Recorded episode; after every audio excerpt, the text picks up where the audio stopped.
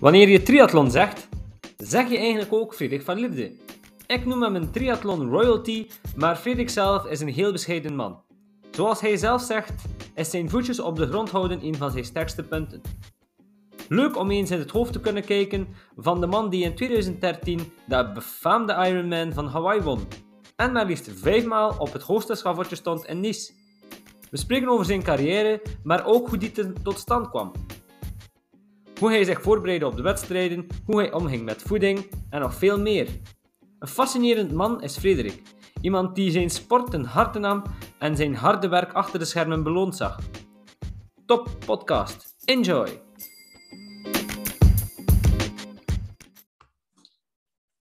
Welkom bij de Barbels en Babbels podcast. Of wacht even, ik uh, ga vandaag eventjes met een uh, persoon praten. En uh, wij zijn afkomstig van hetzelfde stadje. Dus ik doe mijn intro vandaag eens anders. Welkom bij de Barbels en Babbels podcast. Ik zit hier vandaag samen met Frederik Vallierde. Welkom. Hallo. Frederik Vallierde, ik ga terugschakelen naar het Algemeen Nederlands voor onze niet-West-Vlaamse luisteraars. Uh, welkom. Uh, royalty in het uh, triathlon gegeven. Eh, ik ben blij dat ik vandaag eens mocht met jou praten. Ik heb heel veel vragen voor jou en ik denk dat we een, een leuk gesprek gaan hebben. Nu, moesten er in België nog mensen zijn die Frederik van Linden niet kennen? Wie ben jij? Wat doe je? Tell us. Tell us. Um, ja, ik ben een ex-triatleet nu, mag ik zeggen. Dus ik ben bijna twee jaar gestopt als professioneel triatleet. Maar daarvoor ben ik 18 jaar eigenlijk uh, professioneel met de sport bezig geweest. En uiteindelijk mijn belangrijkste overwinning bleef in 2013 de, de ja, het wereldkampioenschap op Hawaii dat ik won. Um, daarnaast heb ik ook uh, acht andere Ironmans kunnen winnen in mijn carrière. Um, eenmaal Europees kampioen geweest, ook een aantal keer Belgisch kampioen. Dus ik heb al een uh, reekgevulde carrière achter de rug. Ja, ja, ja, ja. Ik, heb, uh, ik heb dat ook eens allemaal opgezocht. En inderdaad, 18 jaar, uh, dat, is een, dat is een heel lange periode. J jouw uh, belangrijkste overwinning was inderdaad in, in Hawaii, 2013. je bent dan ook sportpersoon van het jaar geweest in 2013, dacht ik.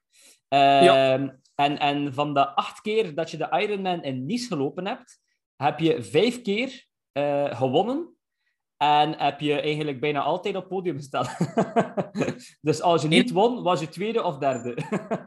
ja, en één keer vierde, maar dat was eigenlijk heel kort. Uh, ik had zes weken voor de Ironman in Nice uh, mijn sleutelbeen gebroken. Ah, ja. En kon, kon, absoluut nog aan de start komen, dus toen ben ik maar vierde geworden. Maar uiteindelijk, uh, het is ja. duidelijk dat wedstrijd was die mij lag. Ja, met, uh, met een gebroken sleutelbeen normaal gezien is dat nog allemaal mogelijk.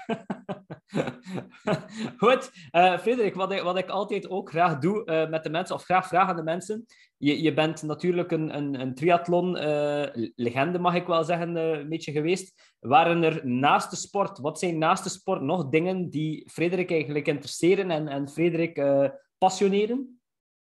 Goh, um, Hans, mijn leven draait eigenlijk rond sport. Hè. Maar naast het feit dat ik uh, dat professioneel met mijn sport bezig was, was natuurlijk uh, de familie op de eerste plaats ook. En uh, mijn vrouw, mijn twee kinderen, die, ja, die zo goed mogelijk ook bijstaan, verzorgen, erbij zijn als ik kon. En um, ja, mijn, mijn kinderen dan, die, die zelf ook wat sporten. Aaron die ook een klein beetje aan triathlon doet, wat zwemt, wat fietst. En, en Simon die voetbalt. Dus dat zijn eigenlijk dan naast het feit dat ik bezig was met, uh, met mijn sport constant, was dat eigenlijk uh, mijn, mijn tijdsbesteding daarnaast. Ja, ja, ja. ja, ja. Uh, je, je, je, wanneer ben jij, waar startte het allemaal voor, voor Frederik? Wanneer ben jij echt jou beginnen te verdiepen in de sport? Wanneer ben je echt gestart met de triathlon? Heel vroeg eigenlijk. Uh, ik, ben leren, ik heb leren zwemmen hier in, in Menen op, op zeven jaar, zoals dat de meeste kinderen doen. Maar ben redelijk snel in competitie gegaan, denk toen dat ik negen jaar was. En ja, ik had wel wat aanleg ervoor, wat talent ervoor. Ik had redelijk goede resultaten. En eigenlijk op mijn veertiende heb ik beslist van hier in, in Menen het Sint Aloysius College te verlaten. Om naar Heulen te gaan, in Spes Nostra te gaan studeren. Omdat ik dan de kans had om twee maal per dag te zwemmen. Dus van mijn veertien jaar ben ik eigenlijk begonnen met heel intensief te sporten. Twee keer per dag te zwemmen, competitie doen. En dan pas eigenlijk op mijn zeventiende beslist om triathlon te gaan doen, om de combinatie van het zwemmen dan met mijn lopen, die eigenlijk ook wel uh, op een mooi niveau was.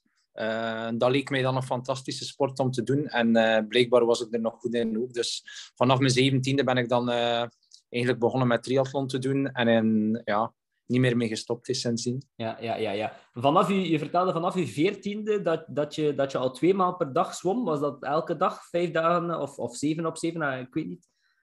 Um, dat was eigenlijk van de, van de zes dagen, dus tot en met de zaterdag, was dat denk drie dagen dat dat twee keer per dag was en dan de andere dagen één keer per dag. En dan hadden we nog meestal een competitie ook op de zondag. Dus uh, eigenlijk lag ik toch wel, ja, denk een keer of elf, twaalf per week in het zwembad. Hoe, hoe was dat uh, om, om jouw jeugd zo dedicated te geven aan, aan, aan de sport? Hoe, hoe heb je dat ervaren? Dacht je daar toen al aan of dacht, denk je daar nu op terug? Ik denk daar nu meer aan terug dan dat ik daar toen mee bezig was. Want toen was dat eigenlijk een vriendengroep, dat was mijn leven. Ik voelde me daar goed bij. Uh, ik heb me nooit, of misschien toen dat ik 16 of 17 werd, wel een paar keer de vraag gesteld waarom ze ook niet beter uh, uitgaan of meer uitgaan. Maar het is nooit eigenlijk voor mij een, uh, een struikelblok geweest. En uiteindelijk, als ik daaraan terugdenk ook, um, toen dat ik op 17-jarige leeftijd veranderde van, van sport, van zwemmer naar triatleet, toen was dat eigenlijk voor mij een heel nieuwe motivatie, een heel nieuwe sport. En ja, dat is meestal ook de leeftijd dat er, dat er wat afhaken is. 17 jaar, hogere studies en zo. Dus uh, voor mij was dat eigenlijk de perfecte leeftijd om de switch te maken van, van zwemmen, dat ik toen wel saai vond uiteindelijk. En uh, ja, naar die chique sport die triathlon was dan. Ja, ja, ja. En je, je, je, je zegt het zelf, die saai wordt. Wou dat ook zeggen dat je in het zwemmen een beetje uitgeblust raakte op een bepaald uh, moment? Ja, ja. Ja, eigenlijk want allee, twee keer op een dag zwemmen en ik haal de resultaten, maar ik was zo ja, een keer top 8 in België of een keer bij de eerste 16. Maar dat was niet... Ik, ja, iedereen die sport en die wat ambitie heeft, die, die wint natuurlijk graag of die ziet graag zijn inspanningen van op training beloond met, met mooie prestaties. En dat had ik niet. En ik was ervan overtuigd dat dat in triathlon wel het geval ging zijn. Ja, ja. En, je, wordt dan, je bent dan 17 jaar, je gaat dan naar die triathlon. Hoe, wat is jouw evolutie van daaraf dan? Maar van daaraf, um, ik heb natuurlijk eerst uh, gestudeerd. Uh, ik heb mijn uh, opleiding gedaan om regent LO te worden in Torhout. Dus ik heb die, die sport gecombineerd met mijn studies. Dat was een beetje met vallen en opstaan. Maar ik stond toch wel regelmatig op podium in, op een BK, op een Vlaams kampioenschap en zo. Mm-hmm. Ik was al een keer geselecteerd om naar een EK of een WK mee te gaan. Dus dat zijn allemaal dingen die je wel ja, enorm motiveren. En dat was eigenlijk het eerste jaar dat ik, dat ik les gaf. Ehm, het eerste succesvolle jaar voor mij. Dus die studies waren achter de rug. Ik had wat meer tijd natuurlijk om te trainen. Als, als leraar LO was nu ook niet dat, dat ik 38 eh, uur per week moest werken. Dus dat was een goede combinatie. En 2002, dus dat eerste jaar dat ik les gaf, was eigenlijk heel succesvol voor mij. Ik ben uh, Belgisch kampioen geworden, ben tweede geworden op TK voor beloften.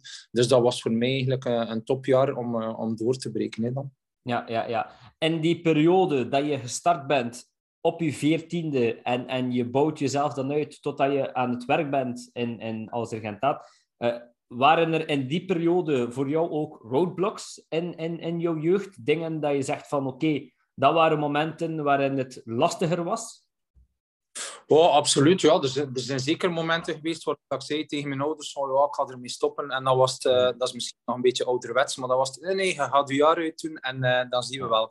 Maar telkens dat dat jaar bijna om was, dan had ik precies opnieuw wel weer uh, een goede vibe of, of, of, een goede periode. Dus dan deed ik gewoon verder. Ja, ja, ja. ja, ja. als, je, als je dan, wat, wat dat sommige mensen misschien soms ehm, over het hoofd zien, maar je begint dan met die triathlon.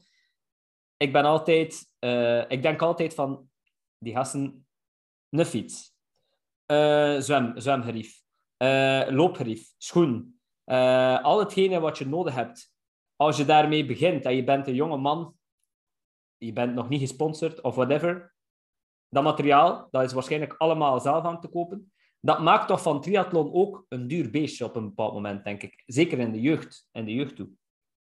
Ja, absoluut. Maar anderzijds is het ook niet de bedoeling dat je van het moment dat je start, je direct met topmateriaal start. Het is natuurlijk een, uh, een budget. En uh, ik ben mijn ouders daar ook heel dankbaar voor dat die dat in de tijd uh, geïnvesteerd hebben in mij. Maar anderzijds is het ook wel zo als, als jonge gast of als jong meisje en je wilt, je wilt triathlon gaan doen. Uh, naast het feit dat je ouders uh, je wat helpen, kun je, kun je ook zelf wat centjes bij insparen. En nogmaals, het is niet de bedoeling van het moment dat je ermee begint dat je, dat je topmateriaal moet hebben. Nee, je kunt zeker aan triathlon doen met, uh, met gewoon basismateriaal en die dan budgetair heel, heel wat minder zwaar uitvalt. Was jij, was jij ook gestart met basismateriaal? Was het waar de schoenen die je aan had, aan had ook... ja? Uh, eigenlijk, als ik dat nu bekijk, ja, de, de, fiets dat ik in het jaar 97 had, dat was een, een Moser, een geel, uh, een stalen kader. Dat was, dat was niet dat dat, uh, dat een fiets was waar ik nu nog wild zou worden. Maar ja, dat was, op dat moment was dat, was dat voldoende. Ik had een koersfiets, dus dat was voor mij het belangrijkste toen. Ja, nu zien, we, nu zien we, dat is waarschijnlijk ook niet meer de, de jeugd in de triathlon van toen, is ook niet meer de jeugd van nu. Ik denk, ja, dat is volledig anders inderdaad. De, de, ouders gaan nog meer gaan investeren in hun kinderen en nog meer gaan investeren in hun, in hun materiaal waarschijnlijk. Ja, absoluut. En, en dat materiaal is ook enorm geëvolueerd als je dat bekijkt, uh, wat dat er nu op de markt is bij toen. Maar nu kun je ook nog naar de fietsenwinkel gaan en een fiets kopen van 1500 euro, maar je kunt ook een kopen van 10.000 euro. Dus daar, daar ligt er ook nog altijd een, groot verschil. Hè. Dus ik wil maar juist zeggen dat er... Um, ja, op, op dat gebied dat, dat je ook keuzes en verstandige keuzes moet maken als je begint met sport. Ja, ja, ja. ja. Je, je, je ouders, je vertelde van je ouders, heb je daar ook in gestuurd. Waren die ook uh, sportief? Hadden die ook... Uh Zaten die ook in de sportwereld? Waarschijnlijk wel. Uh, mijn ma niet. Mijn ma heeft nooit gesport, maar mijn pa uh, heeft vroeger altijd marathons gelopen op, uh, op een redelijk hoog niveau. En ehm, ja, ik denk dat het vandaar een beetje komt. Dus, maar mijn pa is absoluut geen zwemmer en hij, hij, kan ook niet goed fietsen. Hij doet het zelf niet graag, dus dat heb ik dan niet mee van hen. Maar die, die sportieve ja, ambities, ja. die komen wel van mijn pa zijn kant. Ja, ja, uh, en we, we, zijn nu al eventjes bezig aan, aan het praten over die triathlon, maar voor mensen die... Er gaan natuurlijk zeer veel mensen zijn die luisteren, die weten wat triathlon is, maar we horen het graag eens van jou. Maar wat is in, in zijn eenvoud eigenlijk een triathlon? In zijn eenvoud is eigenlijk de combinatie van zwemmen, fietsen en lopen in één wedstrijd zonder, zonder pauzes daartussen. En eigenlijk zo snel mogelijk van, uh, van punt A de start naar punt B de aankomst. En in triathlon heb je verschillende afstanden. Je hebt de, de sprintafstand, je hebt de Olympische afstand, je hebt de halve afstand en dan de volledige afstand, wat ik eigenlijk uh, het beste in was. En een volledige afstand, om een idee te geven aan, aan leken in de sport, is 3,8 kilometer zwemmen gevolgd door 180 kilometer fietsen en dan 42 kilometer of een marathon lopen. Ja, ja, ja dat is uh, inderdaad uh, helemaal, helemaal crazy. Uh, die 3, zoveel kilometer zwemmen, dat is meestal ook in open water. Dat is ook niet te onderschatten. Ik denk dat mensen die vanavond naar het zwembad gaan en zeggen van maar ik ga eens 3, zoveel kilometer zwemmen, dat zal waarschijnlijk wel anders zijn dan dat jullie doen. of, of dat je die Ironman 3 kilometer zwemt. Ja, zeker en vast. Uh, eerst en vooral het gegeven dat je start in groep al, is al, is al duwen en trekken en, en zorgen dat je, dat je boven water blijft. En dan hangt het ook af van, is het in een rivier, is het in een meer, is het in de zee, is het, is het vlakwater, is het water waar dat er heel wat golven op zitten. Dus dat maakt ook al een groot verschil. En dan misschien wel het belangrijkste is ook wel de, de navigatie in het water. In het zwembad, als je kop in het water steekt, dan zie je een zwarte lijn, dan volg je die tot je aan het keerpunt, dan draai je. Maar um, in, in de zee, bijvoorbeeld in Hawaii, waar dat er dan ook nog wel wat, wat, wat swell op het water zit, ja, dan is het constant kijken, ja, waar ligt de volgende boei, waar ligt dit, waar ligt dat. Dus uh, dan, dan moet je daar ook nog mee bezig zijn. Ja, ja, ja. ja. Wou dat dan ook zeggen, dat was jouw beste afstand, dat was jouw beste uh, punt? Wou dat dan ook zeggen dat je enkel maar deelnam aan uh, Ironmans? Nee, waarschijnlijk niet. Nee, nee, zeker en vast niet. Ik ben eigenlijk begin van mijn carrière, toen ik nog wat jonger was, uh, constant op de, op de kwartafstand, de Olympische afstand bezig geweest. En dan pas toen dat ik 28 werd, mijn eerste keer een Ironman gedaan. En in de periode dan, die laatste tien jaar van mijn carrière, waar dat ik succesvol was op, op Ironman, combineerde ik ook met, met halve triathlons en met kwart triathlons. Want uiteindelijk, als je bekijkt qua planning, dan kan je misschien twee maal, maximaal drie, drie maal op een jaar pieken naar een, naar een volledige triathlon. Maar je kan ook niet elke week een, een volledige gaan doen. Dat bestaat niet. Ja, ja, ja. Ik keer graag straks terug op, de, op die trainingsgegevens, want ik denk dat dat wel redelijk uh, leuk, leuk en, en informatief zal zijn. Maar als we dan nog eventjes doorgaan op die triathlon, wat maakt dat voor jou zo speciaal? Wat, wat, wat is voor jou iets dat je zegt van, kijk, ik wil daar... In mijn, eh, je hebt daar in je leven, in je 18, 18 jaar, uh, 18-jarige carrière, zoveel voor opgeofferd. Maar waarom heb je dat gedaan? Wat, wat maakt die sport zo speciaal voor jou? Well, uiteindelijk is dat omdat ik van mijn, mijn passie mijn werk heb kunnen maken. Uh, mijn, mijn, leven of mijn levenswerk was eigenlijk de, de conditie, de fitness dat ik opgebouwd had. En als dan blijkt dat je daar goed in bent en je kunt eigenlijk van je hobby je werk maken, ja, voor mij was dat zalig natuurlijk. En uh, ik heb mij nooit echt veel de vraag gesteld van waarom doe ik nu dit of waarom doe ik nu dat of mm -hmm. waarom ben ik hier zo hard aan het afzien. Nee, dat was gewoon omdat ik dat fantastisch graag deed. Ja, ja, ja. Wat, wat, wat, zijn, of wat is iets als de mensen jou vragen, uh, een, een verhaal in, in jouw 18-jarige carrière die jou is bijgebleven, wat, wat, wat zou je de mensen dan vertellen? Ja, ik heb natuurlijk wel, ik heb veel te vertellen. Hè. Elke, elke Ironman komt, gebeurt er wel iets of is er wel iets. Natuurlijk, hetgeen dat je onthoudt zijn uh, de, de fantastische ervaringen van, uh, van een Ironman te kunnen winnen of van, ja. van, van tot een goed einde te kunnen brengen. Dat, is, dat zijn heel leuke herinneringen. Anderzijds heb je ook ja, dingen die mis, mislukt zijn of uh, accidentjes dat je tegengekomen bent. Dus uh, eentje die nu spontaan in mijn hoofd komt is bijvoorbeeld in uh, eh, 2017 liep ik op de Ironman van Nice in eerste, in eerste positie. Ik begin de marathon en rond ja, elke 2,5 kilometer staan er zo douches waar dat je kunt onderlopen om, om eigenlijk wat af te koelen, omdat het zo warm is. Ja. En ja, die douche die stond rond kilometer 8. Ik was natuurlijk de eerste die passeerde. Die stond te laag.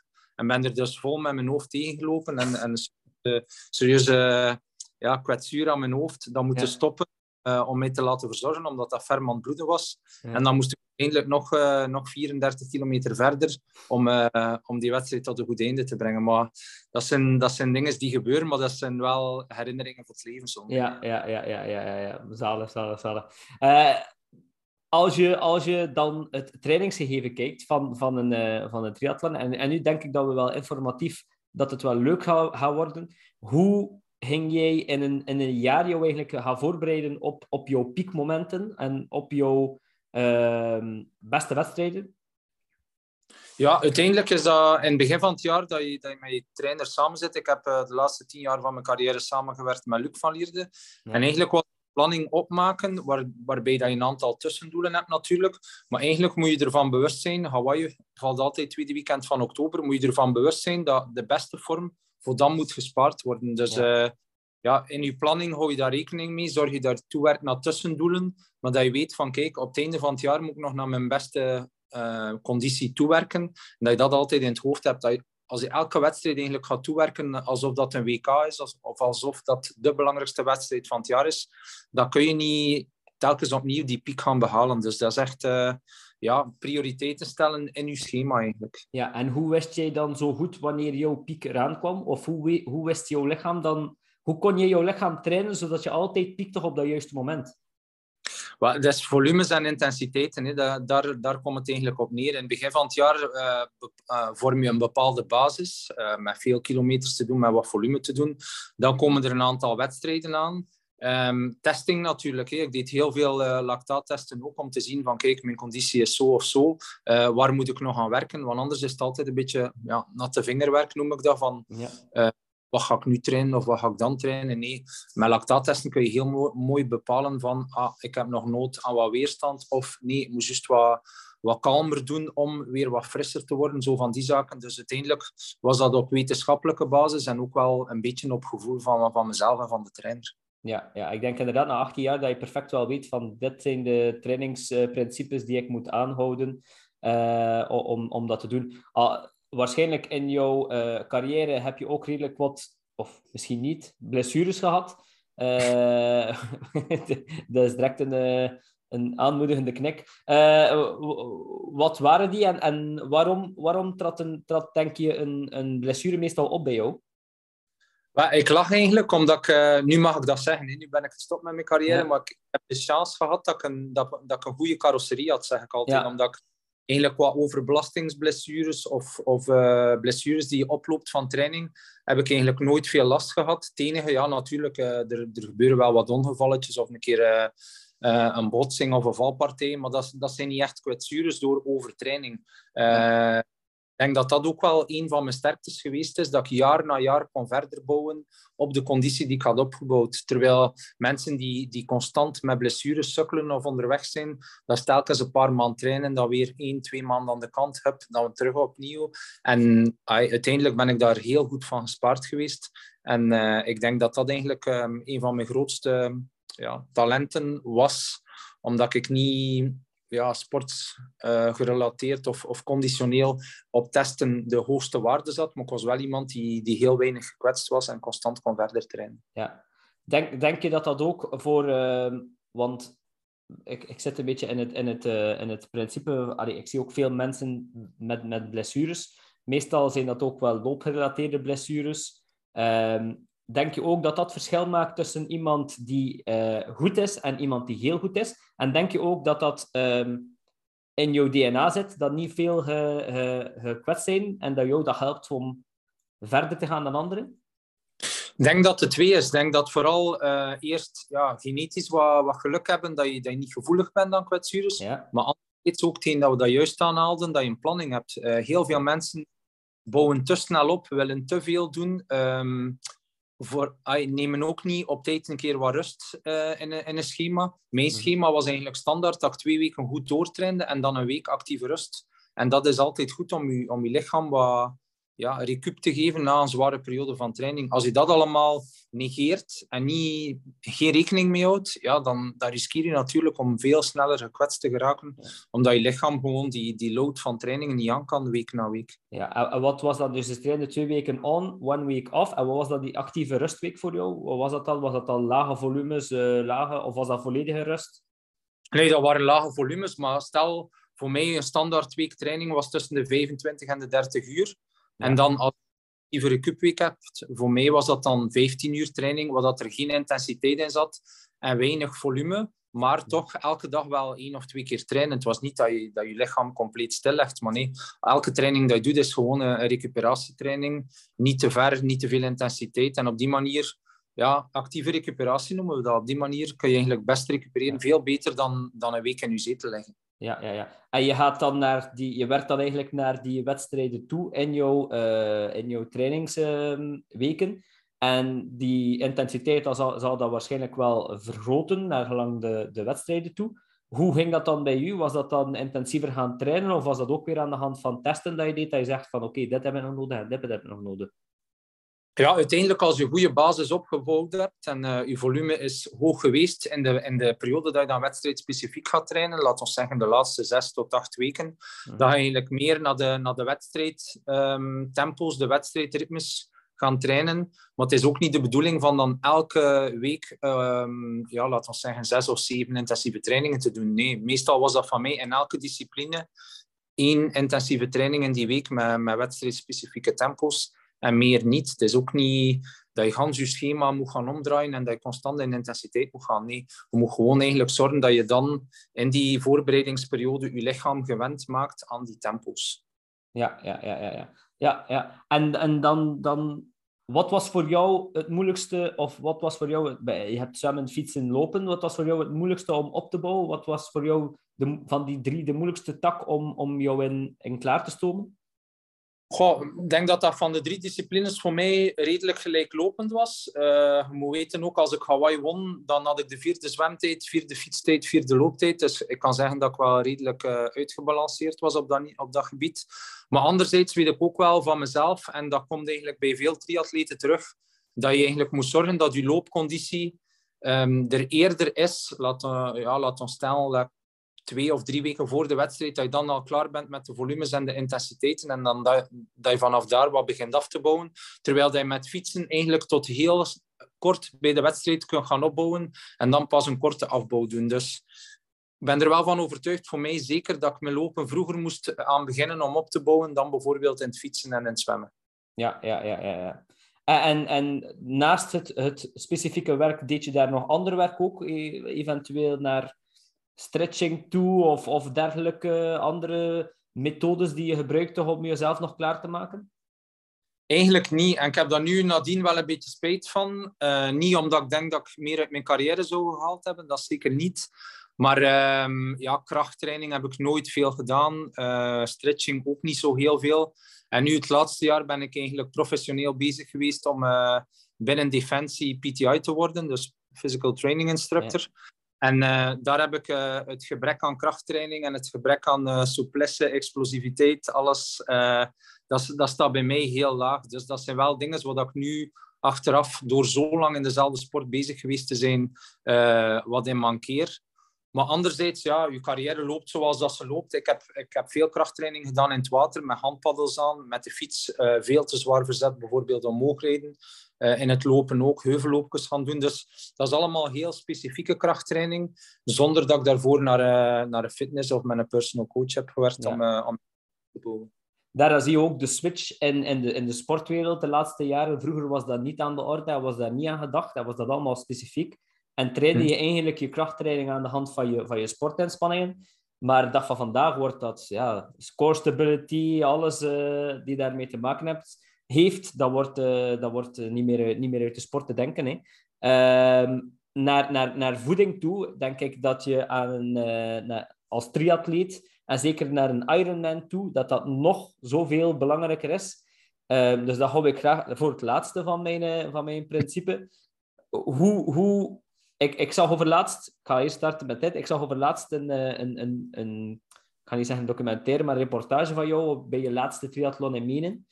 Uh, en daar zag ik jou eigenlijk gewoon s morgens vroeg opstaan, boterhammen eten met, met, weet niet wat dat was, chalet of whatever, koffietje drinken. Dus dat was ook heel, heel normaal. Dat waren geen speciale maaltijden, uh, van op voorhand.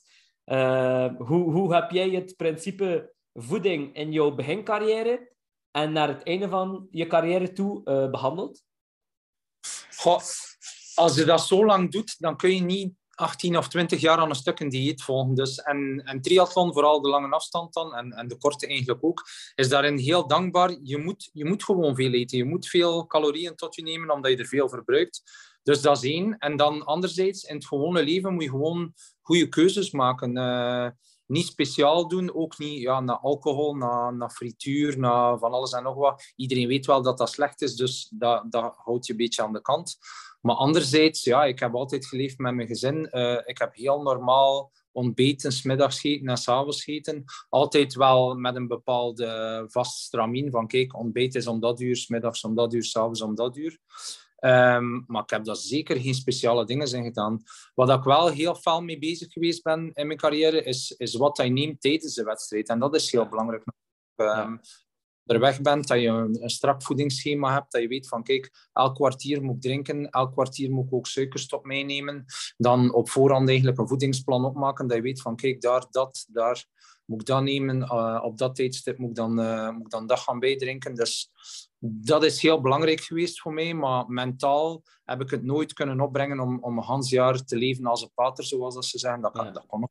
dat was mentaal te belastend. Ja, maar nu, je zegt ook wel dat uiteindelijk mensen gaan het soms misschien te ver gaan zoeken, maar gezonde voeding is waarschijnlijk ook wel een gewone, natuurlijke manier van uh, te werk te gaan. Nu ben ik wel heel curieus naar het uh, eten tijdens die wedstrijd. Uh, dat was sowieso een van mijn belangrijkste vragen die ik jou wilde stellen.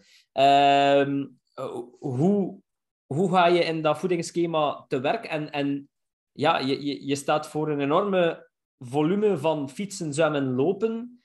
Je zegt van elke 15 minuten eten. Hoe time je dat? Hoe gaat dat allemaal in zijn werk? Vertel ons. Maar uiteindelijk maak je op voorhand een berekening. Je weet dat je ongeveer een uur in het water gaat liggen. In, in het water kun je niks bijdrinken of, of eten. Dus ik zorgde er altijd voor dat er minimum een, een kleine bidon in de wisselzone stond, of een gel of twee, zodanig dat ik uh, ja, alles, alles wat ik verbruikt had in het zwemmen al onmiddellijk kon, kon bijvullen. En dan op de fiets was het eigenlijk zaak van, ik was ongeveer 4 uur 30 onderweg om uh, die 180 kilometer af te leggen. Dus ik maakte de berekening 80 gram suikers per uur. Uh, dat is 8 keer 4,5.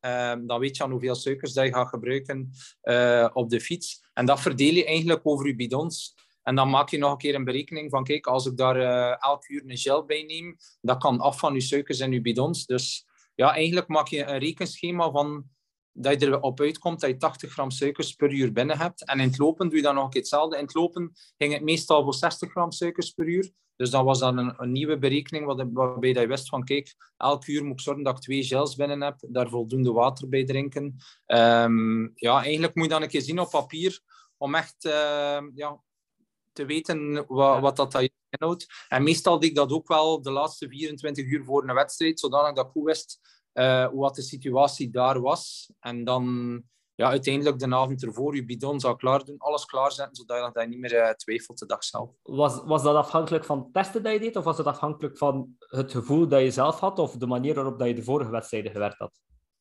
Afhankelijk van testen, omdat ik wist, uh, ik heb mij een paar keer laten testen bij Bakkala in Leuven om te weten hoeveel dat ik verlies aan vocht per uur.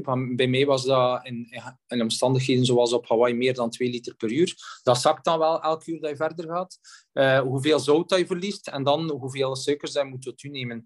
Maar de berekening de dag ervoor, dat hangt ook af van welk weer is het. Als het bijvoorbeeld 20 graden is, is het verschil bij dat uh, 32 graden is bijvoorbeeld. Ga ik daar veel zout bij doen? Ga ik daar minder zout bij doen? Dus al die dingen uh, waarom dat ik wachtte tot op het laatste was eigenlijk voor de situatie ter plaatse uh, goed te weten en dan de juiste beslissing te nemen qua voeding. Ja, ja, ja, ja. ja. En waren dat allemaal speciale dingen? Want dag van vandaag heb je natuurlijk in de wereld waar we nu leven, zijn er enorm veel bedrijven, zijn er enorm veel uh, ja, projecten die daarop inzetten. Waren dat heel speciale dingetjes, gelletjes. Uh, ik, ik weet niet wat dat er dag van vandaag allemaal bestaat. Ik ben niet heel thuis in die wereld, maar ik weet niet, ah, zijn ze daar al zo ver in geëvolueerd? En ging jij, ga jij daar dan in mee? Of ik kan me wel voorstellen dat je gesponsord werd ook door enkele van die, van die bedrijven. Was, was dat iets die jou lag? Of zeg je van, ik deed het liever op mijn manier en, en ik nam mijn eigen grief tot mij? Uiteindelijk is dat voor mij ook een zoektocht geweest, omdat je, zoals dat je aanhaalt, ik heb een aantal merken gehad die mij gesponsord hebben, maar ik heb altijd maar één merk in mijn bidon gedaan waar ik goed mee was. Dus ja. Uh, je moet eigenlijk zelf voor jezelf zoeken van, kijk, dat ligt mij beter dan dat. Ik ga nu geen merken noemen, maar iedereen weet dat er, dat er eh, bijna honderd op de markt zijn waarschijnlijk, of meer dan. Dus, um, en uiteindelijk was dat voor mij uh, energiedrank of isotone sportdrank van, van een merk en dan gecombineerd met shells. Ik heb nooit tijdens de wedstrijd gegeten, omdat ik dat niet, ik kon dat niet verdragen. Ik heb dat ene keer geprobeerd en uh, dat lukte niet voor mij. Dus ik, ik wist dat ik alles op drank moest doen, plus gels. En uiteindelijk, ja, dat is wel geëvolueerd natuurlijk. Die merken uh, ja, spelen in op, op bepaalde trends, maar anderzijds is het gewoon eigenlijk zaak als atleet om de juiste hoeveelheid suikers, vocht en, en zout tot u te nemen binnen de wedstrijd. En uh, er bestaan daar geen grote nieuwe, nieuwe vooruitgangen. En dat is een beetje de basis van, van uw voedingsschema. Ja, ja, ja. Wat, wat maakt eigenlijk dat een, uh, als jij nu eens algemeen en globaal mag kijken naar, naar iets, wat maakt dat eigenlijk een triatleet uh, goed presteert of minder goed presteert? Wat, wat is het eerste die daar bij je, bij je opkomt? Die voeding terug. Want iedereen die, die traint voor, uh, voor zoiets, um, die zal wel goed voorbereid zijn, fysiek. Uh, de een al wat beter dan de ander. Maar allee, laat ons stellen dat in het algemeen iedereen goed voorbereid aan de start komt.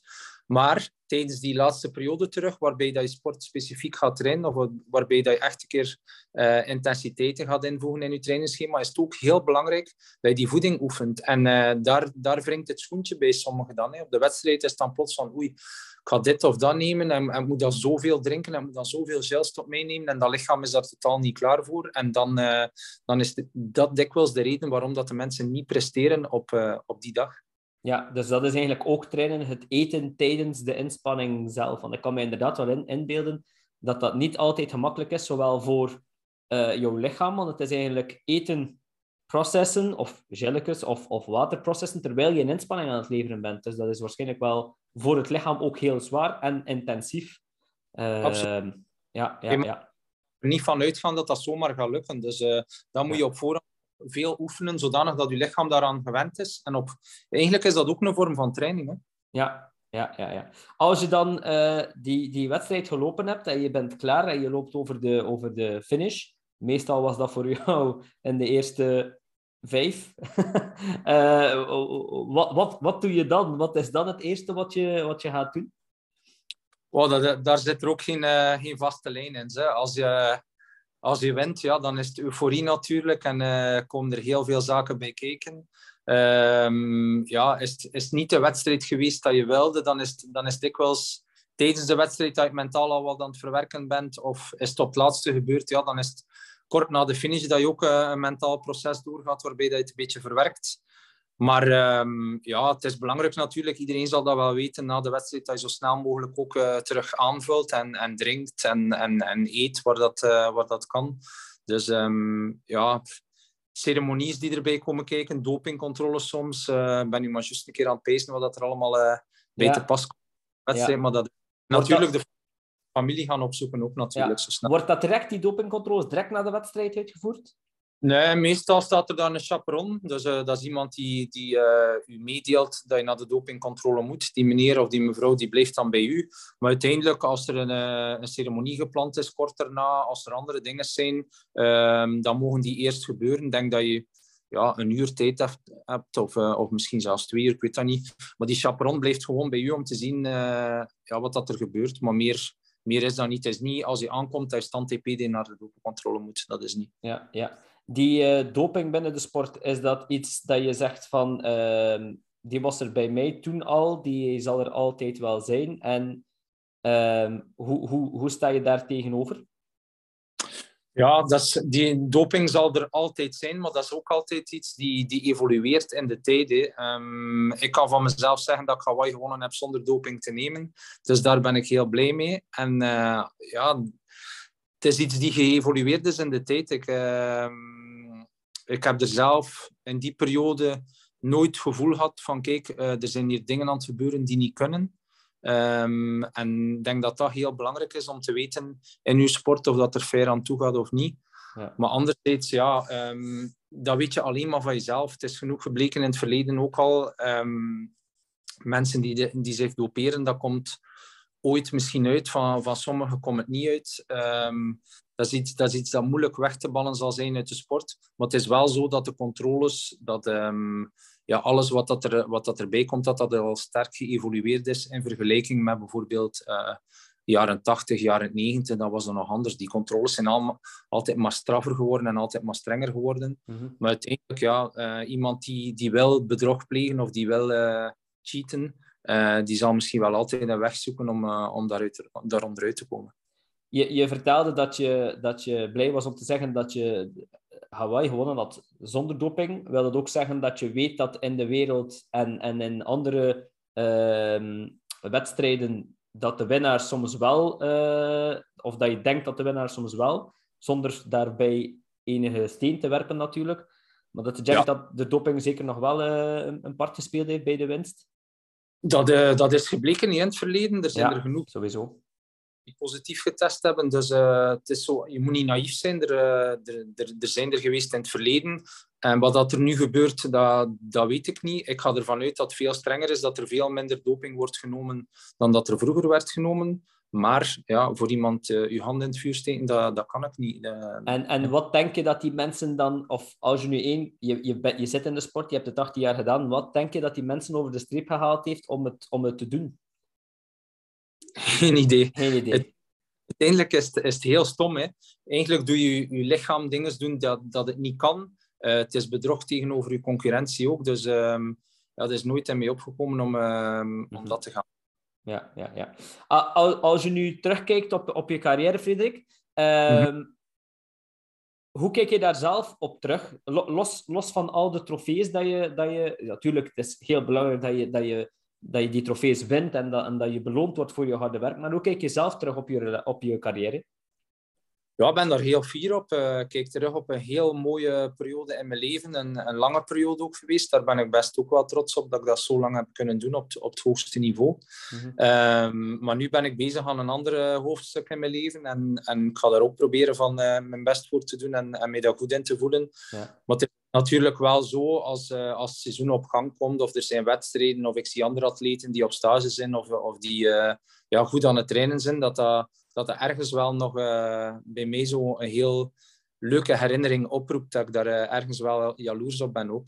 Ja, ja, ja, ja. Moesten er, moest je kunnen teruggaan in de tijd en, en opnieuw beginnen, zou je dan dingen anders doen?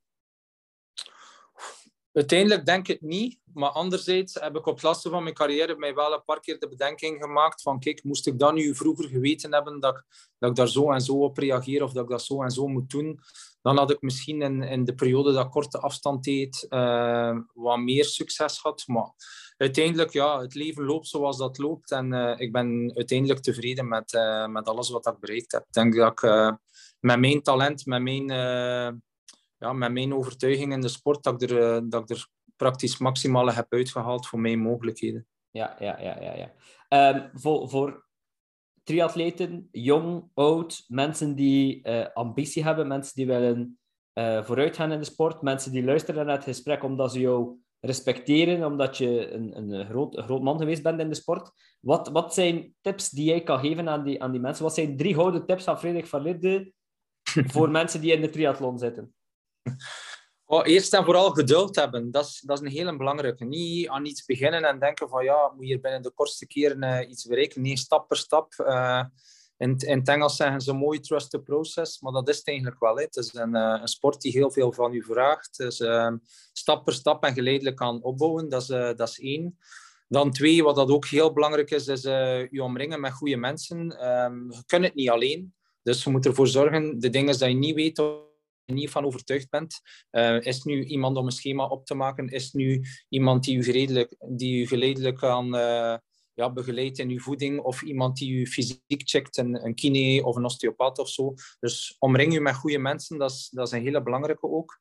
En als derde, uh, misschien wel de belangrijkste, plezier hebben. Want ehm, ik heb dat zo lang gedaan, maar voor mij was dat altijd een plezier en heb ik altijd het graag gedaan.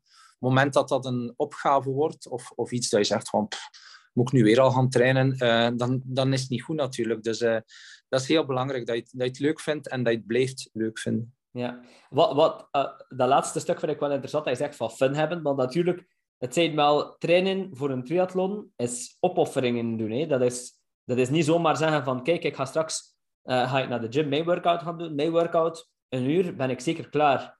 Als je traint voor, voor triathlon, of je traint voor whatever, een marathon, lange uren, lange periodes weg. Uh, hoe, hoe, wat was voor jou... Het, het was waarschijnlijk gewoon uh, normaal voor jou dat dat fun was, maar zijn er tips dat je zegt van ja, dit kan helpen om het meer fun te maken? ja, je hebt, hebt mensen die heel graag alleen trainen. Ik was zo iemand, ik kon daarvan genieten als mijn trainer uh, zet uh, op het schema bijvoorbeeld ga vandaag 200 kilometer fietsen. Ja, dat vond ik fantastisch, omdat ik dat dat is, een, dat is een challenge, alleen onderweg, die dat heel graag... Maar ik kan wel verstaan dat er mensen zijn die, die graag um, wat gezelschap hebben. En dat is misschien ook wel een hele belangrijke, dat je, dat je dan in een club zit of dat je, ja. dat je al mensen hebt waar je mee kunt gaan trainen die een beetje hetzelfde doel hebben, of misschien wel krak hetzelfde doel. Uh, dat helpt ook natuurlijk om het mentaal wat, wat minder zwaar te maken. Want uiteindelijk in triathlon met het, uh, met het fietsen en met het lopen kun je perfect uh, met iemand samen trainen, uh, een babbelje doen, samen onderweg zijn. In zwemmen is dat iets moeilijker als je hoofd in het water zit, maar dan nog. Ehm, ik denk dat dat wel heel belangrijk is, dat je je omringt met, met een aantal ja, ja, ja, mensen die dat graag doen. Ik, ik zag ook in jouw reportage van jouw laatste triathlon in, in Menen dat je, dat je, wanneer dat je eigenlijk je carrière stopte, dat je blij was dat je het uh, zwemmen niet meer, uh, dat je niet altijd meer moest naar dat zwembad en in dat zwembad gaan liggen. Uh, na je carrière ben je nu nog altijd, fietst Frederik van Lieren nog altijd, loopt Frederik van Lieren nog altijd, zwemt Frederik van Lieren nog altijd? Ja, inderdaad, ik doe dat nog altijd. En dat is de uitspraak dat ik gedaan heb kort na, nadat ik, allee, of het moment dat ik gestopt ben. Ja. Maar ja, ik, ik ga natuurlijk niet meer vijf of zes keer per week gaan zwemmen, maar elke week zwem ik wel nog één keer. En het lopen is eigenlijk het een dat ik het meest onderhoud. Daar loop ik nog drie à vier keer per week. En fietsen ook. In het weekend, als ik wat tijd heb, dan uh, spring ik ook nog op de fiets. Dus, uh, maar ja, uiteindelijk, als je, als je zo'n sport zo'n lange tijd doet, dan is dat normaal dat je dat niet... Uh, of vind ik toch normaal dat je dat niet zomaar opgeeft. Nee, ik verlang daarna. Ik voel me daar goed bij ook als ik, als ik beweeg. Dus het zou voor mij een grotere straf zijn als ze mij zeggen, je mag niks meer doen. Nu, nu kan ik het doen op mijn eigen ritme. Ja. Um, sporten, omdat ik het graag doe. En het enige dat ik niet mis, is het competitie-element. Daar heb ik echt wel allee, geen spijt dat ik gestopt ben. Dat competitie-element, dat, dat boeit mij niet meer nu. Omdat ik ja, zoiets heb van, kijk, ik heb bewezen wat dat kon en, en daar stopt het. Maar het puur sportieve bewegen, dat, dat wil ik zeker niet, niet aan de kant laten. Nee. Ja, ja, ja.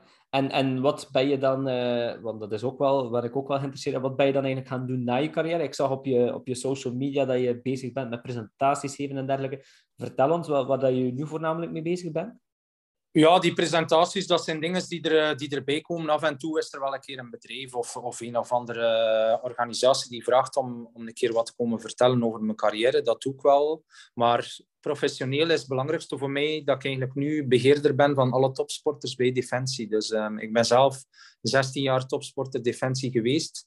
En nu heb ik een jaar een opleiding gevolgd om... Um, om eigenlijk binnen Defensie PTI te worden. En dat heb ik nodig om die functie te kunnen uitoefenen. En ja, kijk, nu is dat begin voor mij en het is wel leuk. Het is uh, administratief die topsporters uh, wat begeleiden, maar daarnaast ook uh, wat tips geven. Uh, ervoor zorgen ook dat, dat het concept topsportdefensie meer kenbaar wordt bij het grote publiek. En het is eigenlijk wel boeiend, omdat ik atleten begeleid die zowel judo doen, die zwemmer zijn, die gymnasten zijn. Um, er zit er zelfs ook in tussen die eventing doet, paardrijden. Dus het is echt um, mijn ervaring dat ik opgebouwd heb als, als professioneel sporter, nu doorgeven aan de jongere generatie die ook uh, topsporter bij Defensie zijn. Ja. Ja, en ook hoe ze zich moeten gedragen als topsporter waarschijnlijk en, en wat het allemaal inhoudt om topsporter, topsporter te zijn. Bij deze natuurlijk ook, ook reclame makend voor uh, eventueel uh, die, die, die topsport in defensie, want dat, zoals je zelf aanhaalt, daar wordt niet veel over gezegd en, en daar horen we niet veel van. Maar uh, dat, is, dat is er altijd geweest waarschijnlijk wel. Dat is er geweest sinds 2004. Dus vroeger, ehm, voor 2004, waren er wel militairen die, ja, die ehm, speciale voorwaarden hadden binnen Defensie om meer te kunnen trainen. Maar eigenlijk het concept topsport Defensie is ontstaan in 2004. En eigenlijk houdt dat in, als je een beloftevolle, beloftevolle atleet bent, in gelijk welke Olympische discipline, dan kan je eigenlijk je kandidatuur stellen om topsporter binnen Defensie te worden. Maar het is wel zo dat je daarvoor uh, een top 12 plaats op een EK of een top 16 plaats op een WK al moet kunnen voor voordat je in aanmerking kunt komen. Dus het is ook niet zomaar met een provinciale titel of zelfs een Belgische titel dat, dat iemand topsporter bij Defensie kan worden. Eigenlijk kun je het een beetje vergelijken met Topsport Vlaanderen en BOIC, waar dat er bepaalde ja. criteria vast liggen voor dat je in die functie of eh, in die positie kan komen. Ja, maar het is, ja, het is heel boeiend en het is een extra kans in het, in het Belgisch sportlandschap om, om van, uw, van uw sport uw beroep te maken.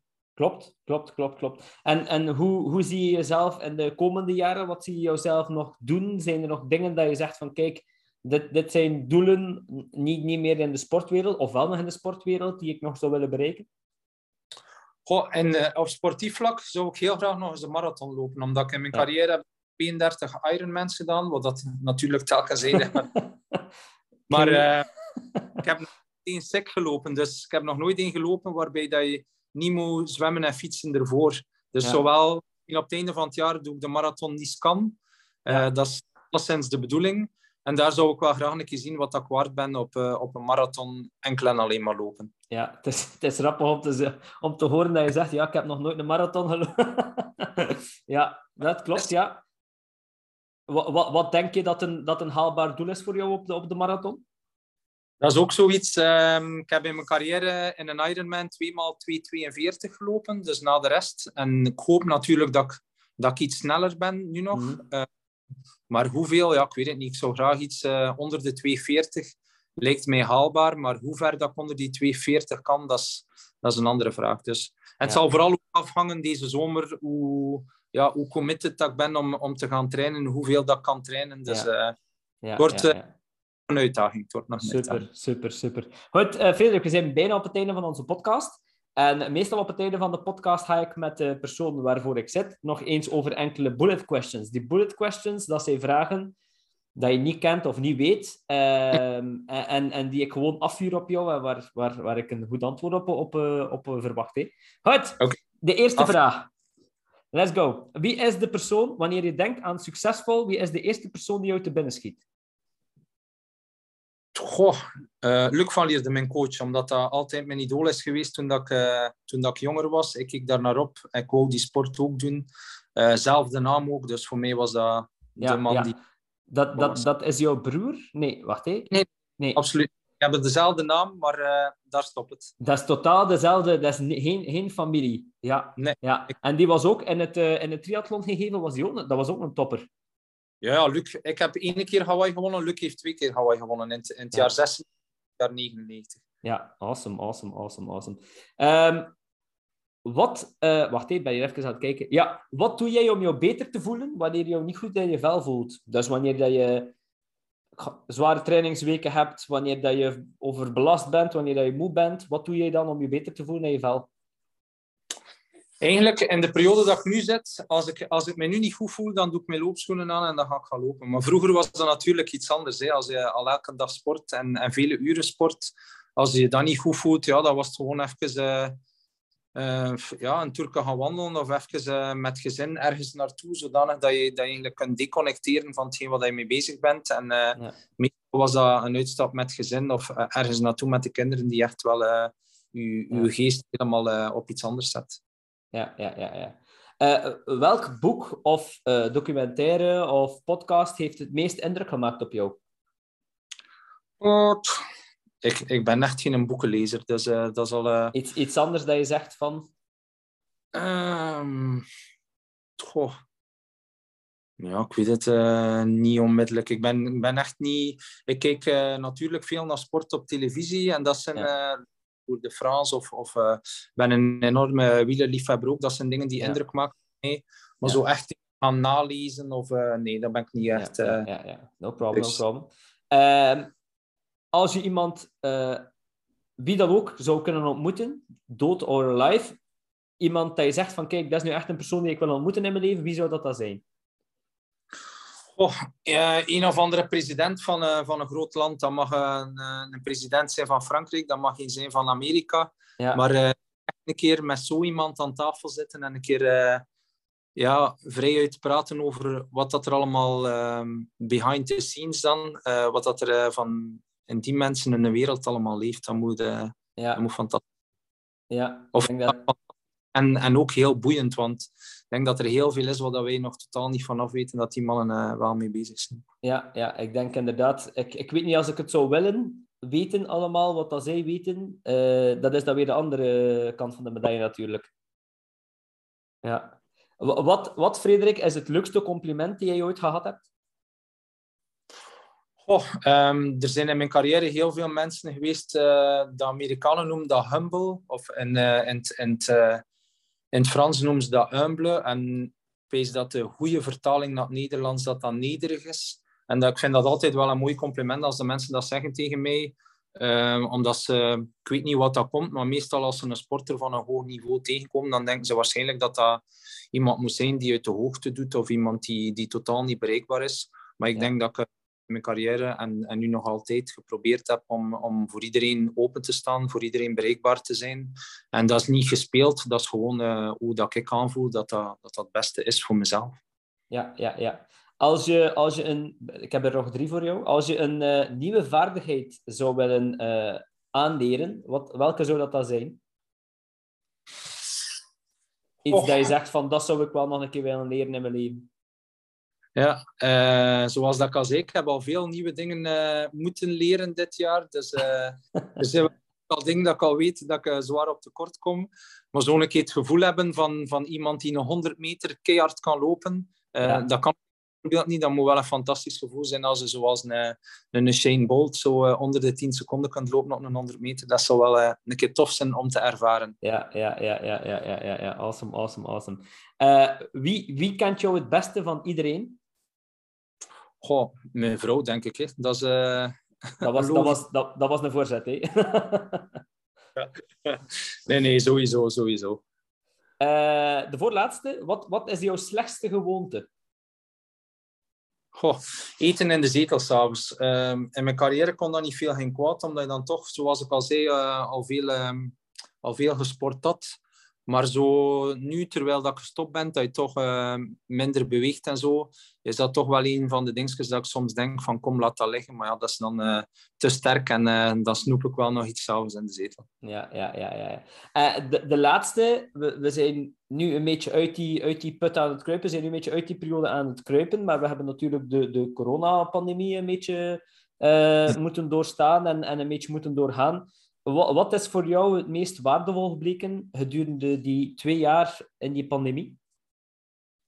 het meest waardevolle, ja, ik heb, heb natuurlijk um, heel veel ambetante zaken die erbij gekomen zijn. Maar denk anderzijds wel familiaal, uh, voor mij en mijn gezin dan. We hebben veel meer tijd samen doorgebracht dan, dan vroeger. En eigenlijk komt dat een beetje omdat het laatste van mijn carrière samenviel met het begin van die, van die coronapandemie.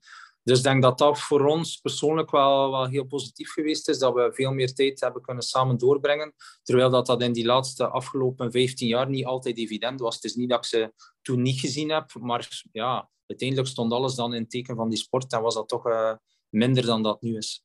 Ja, ja. Snap, snapt jouw gezin dat ook, dat je, dat je in die periode minder tijd had voor hen? Of is er daar een stuk ongeloof bij? Nee. Nee, nee, nee, want uh, had mijn gezin dat niet verstaan, uh, en vooral in het bijzonder dan mijn vrouw in, in het begin van de carrière, uh, dan was dat niet gebeurd. Als, als uw omgeving er niet achter staat, en dat geldt ook voor de mensen die nu aan het luisteren zijn of mensen die in dezelfde sport zitten, uw omgeving moet erachter staan, anders is dat niet mogelijk. En het is ook heel belangrijk als, als sporter om daar u bewust van te zijn en daar ook rekening mee te houden. Het is ook niet dat alles in het teken kan staan van u, dus... Ja. Het is een heel belangrijk uh, evenwicht dat je moet zoeken als, als sporter binnen je familie, binnen je gezin, om dat, ja, om dat gaande te houden en niet enkel ik, ik, ik. Ja, ik denk dat dat een, een heel mooi uh, deeltje is om mee, mee de podcast af te sluiten. Uh, om, om de luisteraars mee op hun weg te sturen. Um, ik, ik, ben, ik ben alvast heel dankbaar dat je hier bij ons uh, eens komen je verhaal doen hebt. Dat we, dat we jou eens leren kennen hebben. Uh, je, je bent natuurlijk van Menen, ik ben ook van Menen. Iedereen kende daar Frederik van Lierde. Je was daar een beetje de, de man in Menen. Maar we hebben, ik heb je nooit kunnen ontmoeten. En, en via deze weg kan ik dat natuurlijk wel. En ik vind het altijd eens leuk om te voelen en te, te horen van waar een persoon komt, van hoe jij bent opgegroeid, van als je veertiende tot aan waar je nu bent. En ik denk dat dat heel leuk is om nu te horen uh, wat je allemaal bereikt hebt, Eileen. Dus alvast heel bedankt om dat te delen met ons. Ja, met veel plezier. En voor mij was het ook leuk natuurlijk om, uh, om kennis te maken en om een keer met u te, te overleggen, te spreken. Super, dankjewel.